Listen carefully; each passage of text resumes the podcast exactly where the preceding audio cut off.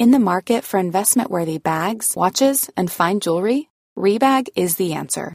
Rebag is a luxury resale platform where each piece is carefully inspected by experts to ensure quality and authenticity. Use Rebag to buy and sell finds from the world's top brands, including Louis Vuitton, Chanel, and Cartier. Head to Rebag.com to get 5% off your first purchase with code REBAGNEW. Shop today at Rebag.com. That's R E B A G.com. And use promo code REBAGNEW for 5% off your first purchase. Oke, Halo pendengar GGMI Podcast, baik lagi bersama kita berdua. Dan sebelum kita mulai kita mau mengucapkan berbela-sungkawa ya atas meninggalnya legenda MU Sir Bobby Charlton yang kebetulan meninggalnya pas banget sebelum pertandingan antara Sheffield United melawan Manchester United di mana sebelum pertandingan dibuat moment of honor ya untuk uh, mengenang lah apa yang akhirnya menjadi jasa dari Sir Bobby Charlton untuk MU dan juga mungkin sepak bola Inggris secara umum gitu kan. Nah, uh, masuk ke dalam konteks bagaimana Vin ngelihat akhirnya perpaduan tim MU yang mulai masuk pada pakemnya walaupun itu belum ada banyak pemain yang masih cedera Vin. Iya, menurut gue ya, kalau misalnya dilihat dari line up-nya dulu, ini sebenarnya udah mengagetkan. Karena ternyata nggak ada yang namanya Regilon, kemudian Lindelof jadi back kiri, Maguire start, ini diprediksi ya, dan harapan kita semua. Johnny Evans bermain, nah lini tengahnya ini dia, Amrabat bermain uh, sebagai single DM, dan Scott McTominay sebagai ternyata jadi ini ya uh, nomor 10 gitu. Nomor 10 yang mana ternyata ada momen di mana ketika mau long ball itu Scott McTominay ini posisinya di depannya Hoylund gitu. Jadi kayak mungkin tambahan penyerang. Itu agak mengagetkan juga ya strateginya gitu. Jadi kalau untuk sayap sebetulnya udah diprediksi juga. Jadi memang dari line up ini menunjukkan bahwa sepertinya emang MU akan bermain sedikit lebih reaktif dan pragmatis gitu yang mana ini juga agak menyedihkan ya karena lawannya pun juga cuma Sheffield away dan mainnya pun gak ada bagus-bagus yang menurut gue gitu. Jadi sejujurnya terlepas dari kemenangan 2-1 dan golnya juga bagus-bagus ya. Tapi menurut gue permainan tuh nggak banget sih. Hmm, oke berarti secara skor dan juga poin kita dapat tiga, tapi secara performance kita masih punya banyak PR ya. Uh, dan sebenarnya kemarin tuh kita bisa mencetak minimal 4 ya Vin ya. Kalau tendangannya dari Amrabat, dan juga Bruno Fernandes nggak menyentuh tiang ya. Dan buat gue skornya mungkin bisa lebih tinggi daripada itu gitu. Tapi ya udahlah kita mengambil tiga poin sebagai ajang untuk rebound dari apa yang terjadi dari match-match sebelumnya gitu kan. Nah, tapi kalau kita ngelihat nih dengan baliknya Anthony, lu punya catatan nggak tentang apa yang akhirnya Anthony bisa berikan dengan kombinasi dengan Dalot di sisi kanan, Vin?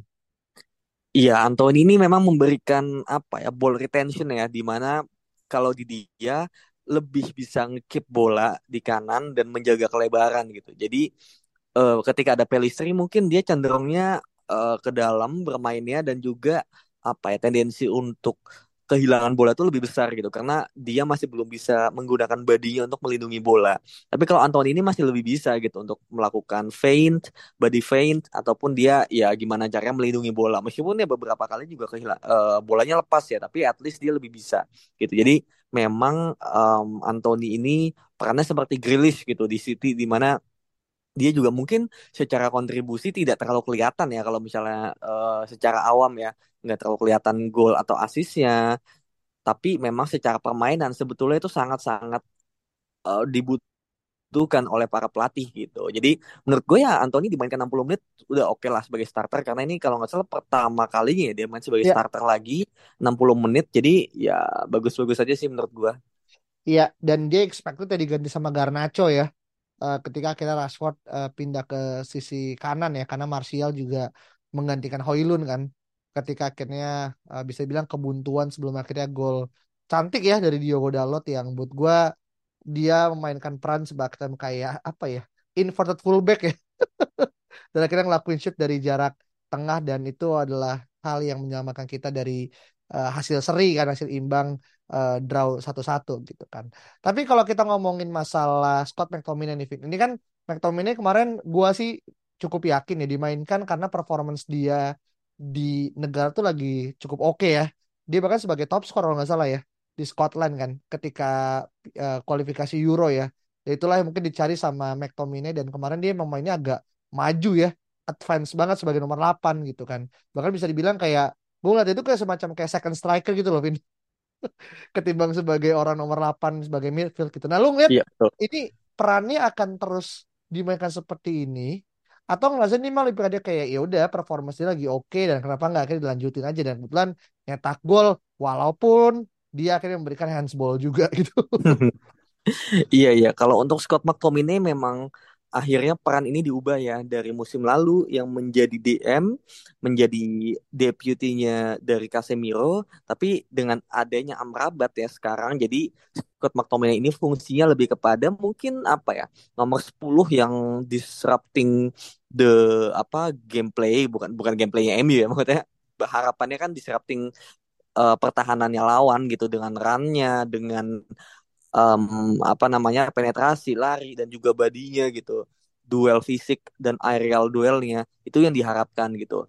Dan memang kemarin itu yang menjadi kelebihan dan yang dicari juga gitu bagaimana secara fisik kita bisa mengimbangi nggak cuma dari Hoylund doang di depan tapi ada juga McTominay itu dan golnya kemarin kan bagaimana uh, Scott McTominay bisa melindungi bola kan gitu maksudnya bisa memenangkan duel di kotak penalti mm, apa ngekip bola dengan badannya dan kemudian dia bisa tendangan setengah volley dan masuk sebagai gol gitu. Jadi memang fungsinya seperti itu. Tapi ya satu sisi ini juga menyedihkan ya seperti yang gue bilang tadi kayak kenapa mainnya jadi begini gitu loh kenapa lu nggak nggak mau bermain seperti normalnya aja gitu yang kayak musim lalu lah gitu di mana lu sirkulasi bola dari belakang bermain bola-bola pendek passing-passing pendek kombinasi membuat peluang gitu rather than lu long ball dari belakang sampai depan berharap bisa memenangkan second ball dan kemudian akhirnya bisa bermain direct ke depan gitu loh.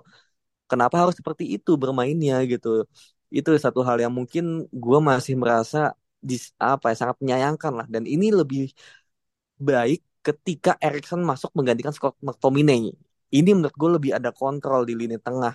Jadi kayak Iya. kenapa nggak seperti ini dari awal gitu loh. Ya gue nggak pernah tahu ya apa yang terjadi.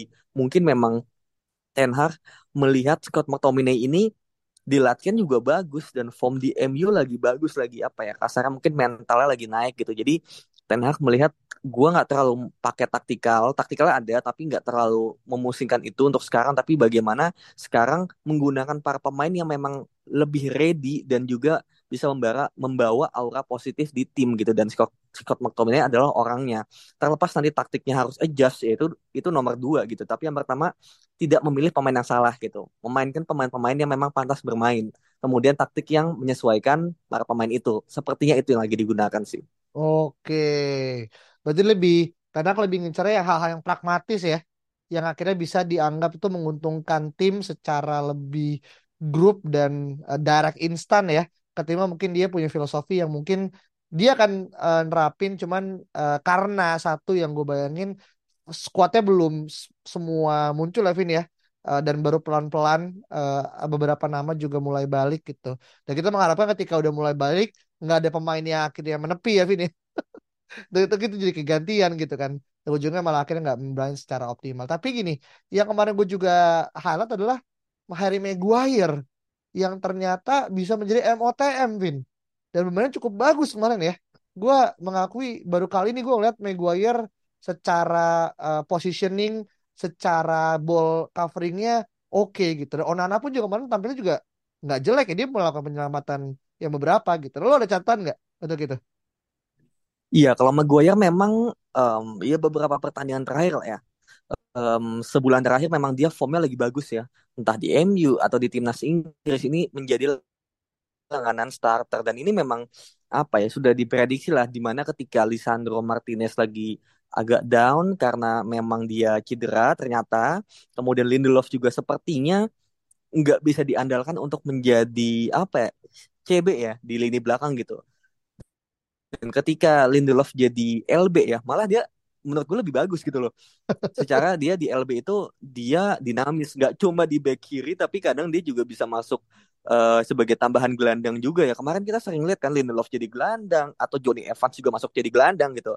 Itu gue suka sih melihat Dalot juga jadi gelandang atau jadi attacking midfield gitu. Gue suka sama pertukaran posisinya gitu di belakang kayak dia nggak bisa gitu loh butuh pemain yang lebih vokal dan lebih kuat lagi yaitu ya Harry Maguire gitu yang mana dengan dicabutnya ban kapten ini sepertinya memang Maguire lebih lepas bermainnya lebih tanpa beban dan meskipun memang dia bagusnya masih melawan tim-tim kecil ya kayak Sheffield away kemudian masih Brentford gitu kan yang kemarin juga sebenarnya nggak nggak bagus-bagus amat mainnya. Tapi setidaknya yang namanya percaya diri itu kan ya bisa lawan siapa aja gitu. Dan dimulai dari tim-tim kecil dulu sebelum nantinya kita main di Liga Champions dan juga di minggunya kan kita derby Manchester ya di Old Trafford gitu. Jadi memang form bagus ini harus dipupuk dari sekarang gitu di mana lawan-lawannya masih kecil-kecil lu menang-menang terus meskipun pragmatis tapi at least itu kepercayaan diri pemain dan tim itu meningkat dulu gitu. Kayak sekarang gua udah nggak ngelihat gaya mainnya kayak apa dulu deh gitu. Meskipun gue sedih ya tapi yang penting sekarang bagaimana MU bisa menerapkan prinsip bermain dengan bagus dulu secara pelan-pelan bermain pressing passing-passing pendek. Kalau nggak bisa ya udah dan satu sisi ya pengen menang juga gitu biar at least lu percaya diri dulu gitu. Jangan sampai musim ini tuh jadi musim yang bener-bener ancur gitu. Seenggaknya kalau lu nggak main bagus seenggaknya menang gitu sih. Dan hmm. Maguire top kemarin menurut gua top. Onana Onana juga bagus Mom deserves the best, and there's no better place to shop for Mother's Day than Whole Foods Market. They're your destination for unbeatable savings, from premium gifts to show-stopping flowers and irresistible desserts. Start by saving 33% with Prime on all body care and candles. Then get a 15-stem bunch of tulips for just $9.99 each with Prime. Round out Mom's menu with festive rosé, irresistible berry chantilly cake, and more special treats. Come celebrate Mother's Day at Whole Foods Market. I'm Sandra, and I'm just the professional your small business was looking for. But you didn't hire me because you didn't use LinkedIn jobs. LinkedIn has professionals you can't find anywhere else, including those who aren't actively looking for a new job but might be open to the perfect role, like me. In a given month, over 70% of LinkedIn users don't visit other leading job sites. So if you're not looking on LinkedIn, you'll miss out on great candidates like Sandra. Start hiring professionals like a professional. Post your free job on linkedin.com/people today. Gitu karena uh, ada banyak peluang-peluang Sheffield yang menurut gue bahaya gitu yang kayak yeah. ini kalau Onana yang kemarin-kemarin kayak bisa kebobolan nih gitu. Yeah, tapi benar. tapi ternyata dia bisa nepis dengan uh, apa cekatan dan semoga ya ini juga jadi titik balik Onana. Mungkin dia udah udah liburan dengan udah pulang kampung kan gitu. Jadi mungkin udah ketemu orang tuanya juga gitu. Minta doa juga gitu. Jadi semoga itu yang terjadi. Jadi semoga ini juga menjadi titik balik bagi dua pemain tersebut sih. Hmm. atau dia ini Vin mulai menggunakan sarung tangan yang dibeli kakak dari Depok Vin. Iya iya iya. Dia mengingat itu kan. Wah, dia iya. kayak mojo gue di Indonesia nih. iya nih, mojo-mojo gitu. Tapi oke okay lah, ini gue bilang adalah uh, ya disayangkan karena skornya bisa lebih tapi at least kita mengambil sisi positif. Dan kita akan bersiap ya di hari Rabu pagi waktu Indonesia kita akan uh, menjamu Copenhagen uh, di Old Trafford di mana ini adalah pertandingan ketiga untuk MU di musim ini untuk Liga Champion di mana dua pertandingan sebelumnya kita kalah ya lawan Bayern Munchen kita kalah tipis lawan uh, Fenerbahce eh sorry Galatasaray kita juga ya kalah tipis lah walaupun kalah di kandang. Dan sekarang kita akan menjamu tim yang di pertandingan terakhirnya Copenhagen tuh baru menang dengan skor yang sangat telak 9-0 lawan Liseng, Liseng di piala domestiknya Copenhagen gitu kan. Dan yang gue suka adalah gue akan nonton dan gue yakin uh, gak cuma fans MU sih, fans Indonesia akan nonton pertandingan besok. Kenapa? Karena gue tau lu tau apa enggak Vin tapi besok tuh Kevin Dix calon pemain terus Indonesia itu akan main. Di uh, Galatasaray eh sorry di Copenhagen. Jadi orang tuh kalau kayak gue kalau kita lah mungkin dan juga MU nontonnya karena MU tapi fans netral nonton karena Kevin Dix dan berharap Kevin Dix tak ngebuat gol atau akhirnya cetak assist atau clean sheet.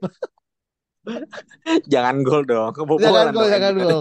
Tapi ini gue pengen sih ngelihat uh, Kevin Dix ya saya dalam porsi di mana dia pemain yang ya at least uh, kapan lagi pemain Indonesia main di Liga Champion kan? ya, ya dia golinnya golinnya lawan Galatasaray sama Munchen aja lah, tapi jangan lawan ah. MU. ya itu gimana Vin ngelihat uh, match besok nih? Dan ini menurut gue pertaruhan ya kalau kita sampai kalah lagi, waduh susah sih buat lolos ke tahapan berikutnya. Iya ya benar-benar karena memang ini laga kandang dan ya ini laga kandang kedua gitu. Dan kalau misalnya kalah lagi satu-satunya laga kandang lu lawan Munchen gitu. Dan ketika lawan Munchen nggak eh, apa Munchen itu kan nanti di midweeknya kan. Dan itu di weekendnya itu lawan Liverpool ke Anfield. Jadi memang ya jangan sampai pertaruhan kita itu ya di laga kandang di laga terakhir lawan Munchen gitu. Karena itu lagi laga yang sangat-sangat berat. Jadi sebisa mungkin bukan sebisa mungkin ini harus banget. Kalau emang MU masih mau ya masih mau untuk bisa lolos ke babak selanjutnya dimulai dari sekarang dimulai dari lawan Copenhagen besok harus bisa menang. Gimana pun caranya meskipun ya Liga Champions ini apa ya mungkin atmosfernya berbeda dengan Liga ya gitu. Karena ini permainannya di Eropa kemudian juga ya lawannya Copenhagen yang kita dulu pernah ketemu ya di tahun 2008 atau 9 kita menang 3-0 di home tapi 2006 kalah Vin? 1-0 hmm? 2006 2006 ya iya ya kita menang Liga Champion 3-0 Iya, tapi kemudian away kita kalah 1-0 gitu yang menunjukkan ya bahwa Copenhagen ini bukan tim yang mudah untuk dikalahkan gitu.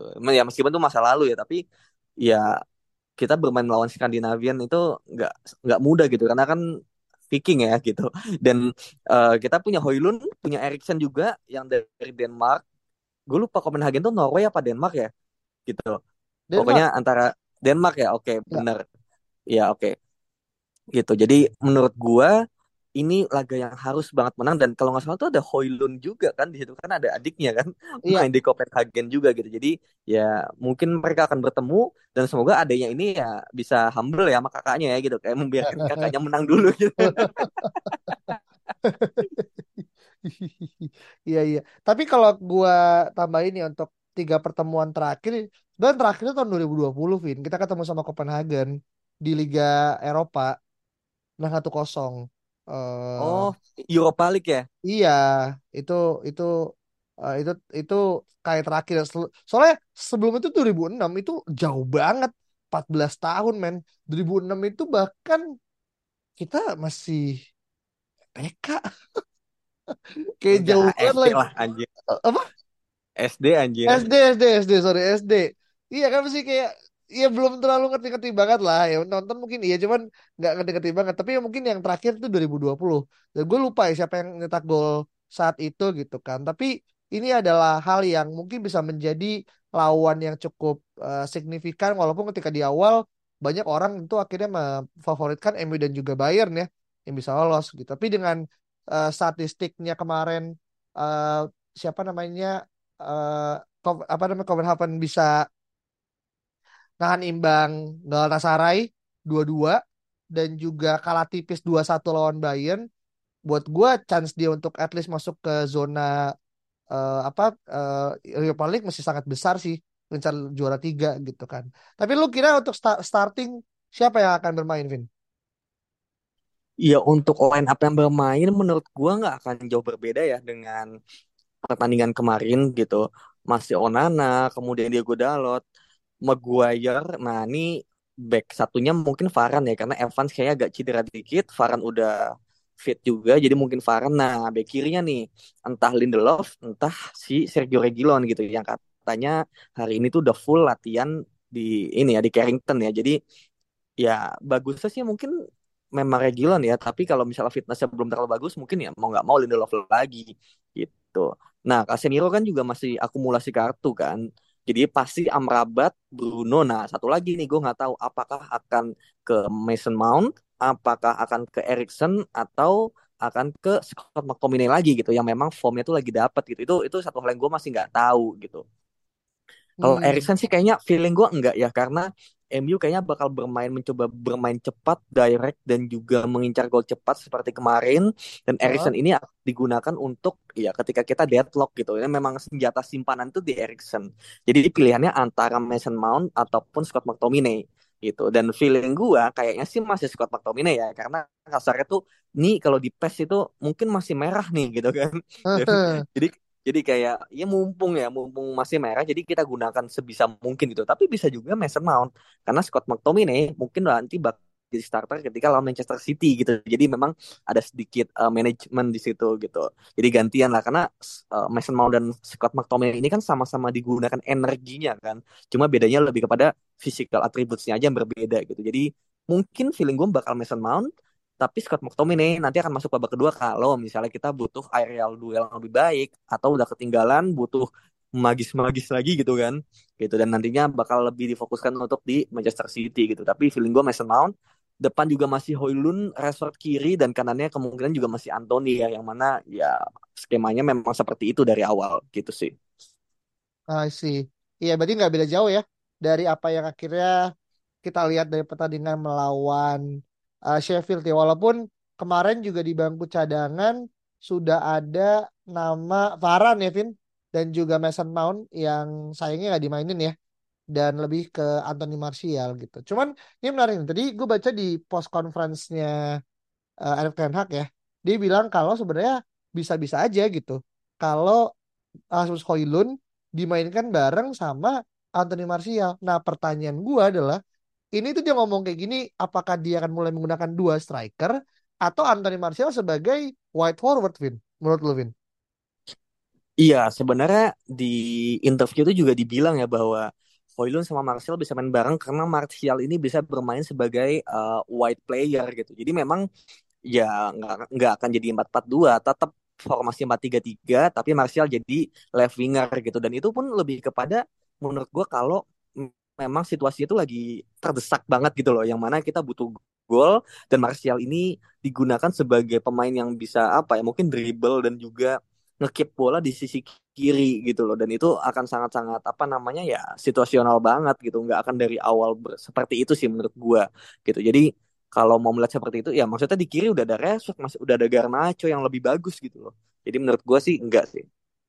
Nggak nggak bermain 4-3-3 maksud lu gitu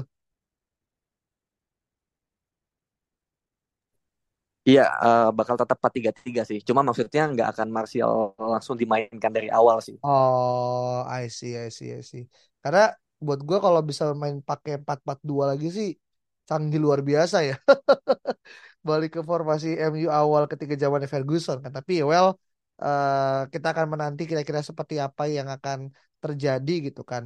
Nah, paling ini kan adalah jeda yang sangat pendek. Karena kalau kita besok kalah, satu kita akan semakin tersungkur. Karena sekarang poin kita nol ya. Kita berada di uh, uh, apa?